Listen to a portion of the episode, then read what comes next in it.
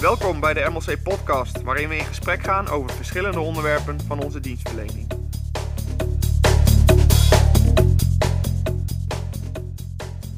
Mijn naam is Rick Ellenbroek en samen met mijn collega Dennis Klein gaan we het in deze eerste aflevering hebben over de waarde van risicomanagement binnen grote organisaties. We zien dat organisaties steeds meer regeldruk ervaren en dat het externe toezicht is aangescherpt. Tegelijkertijd ervaren wij dat de waarde die organisaties halen uit risicomanagement achterblijft bij het potentieel. Dennis, hoe kijk jij hier tegenaan? Nou ja, precies zoals je zegt, Rick. Uh, de afgelopen decennia eigenlijk uh, een, een, een, steeds groeiende aandacht voor risicomanagement, compliance en het in het algemeen stellen van eisen aan, uh, aan processen. Maar je ziet ook dat daar in toenemende mate best wel afstand uh, ontstaat tussen de mensen die zich bezighouden met wet en regelgeving, met risico's, en de mensen die feitelijk het werk uitvoeren. Wat kunnen wij leren van wat wij zien in organisaties en hoe kunnen organisaties meer waarde creëren en halen uit het gebruik, het effectief toepassen van risico's en beheersmaatregelen? Nou ja, ten eerste al zorgen dat het werkt en dat het werkt op de plekken waar het zou moeten werken. En dat is over het algemeen de werkvloer en niet uh, de bestuurskamer. Uh, wat ik in de praktijk toch vaak zie op het moment dat we bij klanten komen waar we gevraagd worden om ons bezig te houden met, met risicomanagement of met compliance vraagstukken, dan zie je toch vaak dat het een papieren tijger is geworden. De richtlijnen zijn vastgelegd in, in pdf'jes de risico's en de beheersmaatregelen zitten in spreadsheets. En er zijn heel veel mensen die daarmee bezig zijn geweest. Maar vaak met een behoorlijk grote afstand tot de praktijk. En met de afstand tot de praktijk bedoel je daar waar het werk wordt uitgevoerd? Daar waar de processen uh, plaatsvinden? Um, er is een afstand tussen risico's en processen. Hoe kunnen we die afstand dan verkleinen? Ja, dat is een goede vraag, Rick. Um, ja, over het algemeen zie je dat er ruwweg twee benaderingen zijn als het gaat om uh, het benaderen van risico's. Bijvoorbeeld. Eén is een top-down benadering, waar je veel meer kijkt vanuit een framework of vanuit een pro probleem. En daarna gaat denken over hoe gaan we dit als organisatie oplossen. En de andere is meer een bottom-up benadering, waarbij je veel meer kijkt vanuit het proces en kijkt van wat voor risico's loop ik hier die twee bestaan al jaren uh, lang naast elkaar. En uh, ik denk dat ze heel veel van elkaar kunnen leren. En de bottom-up benadering, waar je begint vanuit de processen, die begint dus ook daadwerkelijk op de werkvloer. De bottom-up benadering, zoals je die beschrijft, die stelt wel eisen aan de vastlegging van processen. Uh, wat, wat, betekent dat voor een organisatie? Ja, nou dat je je processen vastgelegd moet hebben. maar dat is vaak niet genoeg, want vastleggen op zich is vaak niet duurzaam, omdat je gewoon te weinig waarde haalt uit het puur vastleggen van je processen. Sterker nog, ik denk ook dat je niet voldoende waarde haalt op het moment dat je processen vastlegt en daar je risico's en beheersmaatregelen aan koppelt. Als je dat puur doet vanwege het administratief vastleggen en laten zien dat je het vastgelegd hebt, dan gaat niemand dat op een enkele uitzondering naar gebruiken. En hoe kun je die koppeling tussen processen en risico's wel efficiënt inzetten? Uh, je kan beter uh, een, een gestructureerde tool, als bijvoorbeeld een ARIS, gebruiken. Om te zorgen dat je een soort database aanlegt met, uh, met die gegevens. Want die database kan je vervolgens weer gebruiken om op allerlei andere dingen, manieren waarde te creëren. op heb vastgelegd. Je ziet in de praktijk dat veel organisaties een tool als ARIS vooral gebruiken voor de vastlegging van processen en risico's. Maar jij zegt eigenlijk dat je nog veel meer kan dan SEC het vastleggen.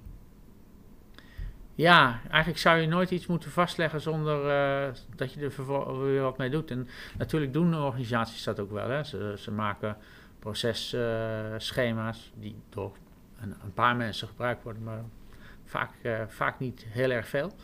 Maar als je die gegevens vastlegt, dan kan je er ook andere dingen mee doen. Als, als voorbeeld, hè. als je netjes je processen hebt vastgelegd en je koppelt daar je risico's en beheersmaatregelen aan Um, of je koppelt er wet en regelgeving aan. Als er wat verandert in de AVG en je hebt netjes de link gelegd tussen je AVG-vastlegging uh, en je processen, kan je daar ook op, een, door uit te queryen uh, weer zien wat, wat raakt wat. Waardoor je veel sneller kan zien uh, wat voor impact een wijziging op wet en regelgeving heeft op, op je processen. Een tweede voorbeeld, en die ligt misschien minder voor de hand, is dat je gegevens kan gaan vastleggen die je weer op andere manieren gaat gebruiken. Bijvoorbeeld een risico. Risico's worden vaak gescoord op likelihood en op impact. En dan wordt er een risicoscore berekend. En als die hoog is, is het slecht. Als die laag is, is het goed. Er worden beheersmaatregelen bedacht. Vaak zie je binnen organisaties verschillende implementaties van hetzelfde proces. Bijvoorbeeld binnen verschillende landen. Als je die risicoscores van de processen kan vergelijken, dan kan je dat je helpen bij het, uh, bij het verbeteren van je processen. Bij het uh, prioriteren van uh, projecten. En daarmee zeg jij dus eigenlijk dat je bepaalde processen naast elkaar kunnen, kunt leggen. En ehm, dan ook kunt bepalen van welke processen vanuit risico, risicoperspectief de meeste aandacht behoeven. Ja, eigenlijk doe je een soort. Neem je in het ontwerp van je processen, neem je risico's en beheersmaatregelen mee. Je legt de gegevens op een effectieve manier vast. En je zorgt ervoor dat je die gegevens ook weer kan gebruiken in je analyses, in je verbetering, in je impactanalyses en dat soort zaken. Dus je denkt veel meer vanuit de waarde die je uit je gegevens wil halen voordat je ze vastlegt. Je legt ze niet meer vast omdat je ze moet vastleggen. Je legt ze vast omdat je er goede manieren hebt om dat vervolgens weer te gebruiken. Ik hoorde jou net ook wat zeggen over queryen. Kun je ook gebruik maken van data als het gaat om het waarde creëren rondom risico's en compliance? Ja, uiteraard zou ik bijna zeggen.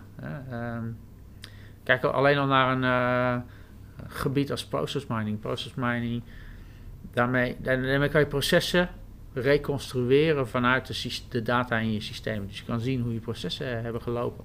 Nou, stel je voor dat als ik een offerte maak en jij moet er een controle op uitvoeren en jij hebt dat een keer niet gedaan, um, dan wil je daarop in kunnen grijpen.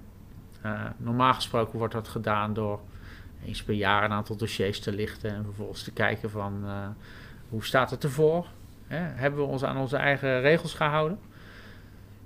Maar in 9 van de 10 gevallen ligt dat, ligt dat soort informatie gewoon vast in je, in je systemen. Zeg je daarmee eigenlijk dat veel uh, handmatige controles, zoals die nu nog worden uitgevoerd in organisaties, dat die um, straks overbodig zijn? Of misschien nu al overbodig zijn? Ja, ik denk dat ze in sommige gevallen nu al overbodig zijn. Als je goed gebruik maakt van de data die toch al vast ligt in de systemen. als iemand de controle uitvoert, dan doet hij niet veel meer dan het checken van die data in die systemen. Alleen hij doet het met de hand. Hij doet het door in die applicatie in te loggen en naar te kijken. Als jij dat uit je systemen haalt, dan kan je op een hele systematische manier dat gewoon continu gaan monitoren. En op die manier kan je niet alleen kijken naar overtredingen op uh, het, het, wel of niet uitvoeren van een controle. Maar je kan ook nog eens kijken naar de kwaliteit van die controls. Hoeveel, hoeveel rework is er? Hoe goed wordt er gecontroleerd? Jij zegt dat, uh, dat, dat eigenlijk alles vast ligt in de data. Dus dat je dat er ook allemaal kunt uithalen. Wat, wat betekent dat dan potentieel voor de mensen die nu nog alle controles uitvoeren? Kunnen die zich met andere dingen bezighouden? Nou, het, het grote voordeel is, ze hebben vaak heel veel verstand van hoe het zou moeten werken. dus het zijn specialisten in, in risicomanagement, in control, in compliance. Um, maar net als ieder, uh, vakgebied zie je toch daar een, een, een, een toenemende mate een data- en een, een technologiecomponent bij komen. En ik denk dat op het moment dat zij zich kunnen bekwamen in het gebruik maken van data om hun werk te doen, uh, dat ze een, een, gouden toekomst voor zich hebben. We begonnen dit gesprek met het ehm, onvoldoende waarde creëren door organisaties uit eh, risicomanagement. Um, als je nu terugkijkt op wat we zojuist gesproken hebben, wat zijn, wat zijn voor jou de belangrijkste pijlers om meerwaarde te halen uit het gebruik van risico's? Nou, dat, dat, als, ik, als ik kijk naar de belangrijkste, belangrijkste takeaways eigenlijk. Um, eerste zit hem in, in, in de afstand. Doorbreek de afstand, zorgt dat, dat je compliance en risicomanagement veel dichter tegen de werkvloer aanbrengt. En ook daadwerkelijk gaat kijken waar het plaatsvindt. tweede heeft te maken met vastlegging. Zorg dat die link met die processen er is. En denk dan ook vooral na hoe wil ik dat vervolgens weer gaan gebruiken om daar waarde uit te halen. Nou, derde, um, gebruik de data die je beschikbaar hebt. Dus uh, data uit systemen die gebruikt worden om het proces te ondersteunen, is vaak een enorm waardevolle bron om uh, continue monitoring te doen, om te kijken naar de kwaliteit van je, van je beheersmaatregelen. Mooie aanbevelingen voor organisaties. Dank voor dit gesprek, Dennis. Graag gedaan. Wil je meer weten over dit onderwerp, over MLC of onze mensen? Onze consultants gaan graag met je in gesprek.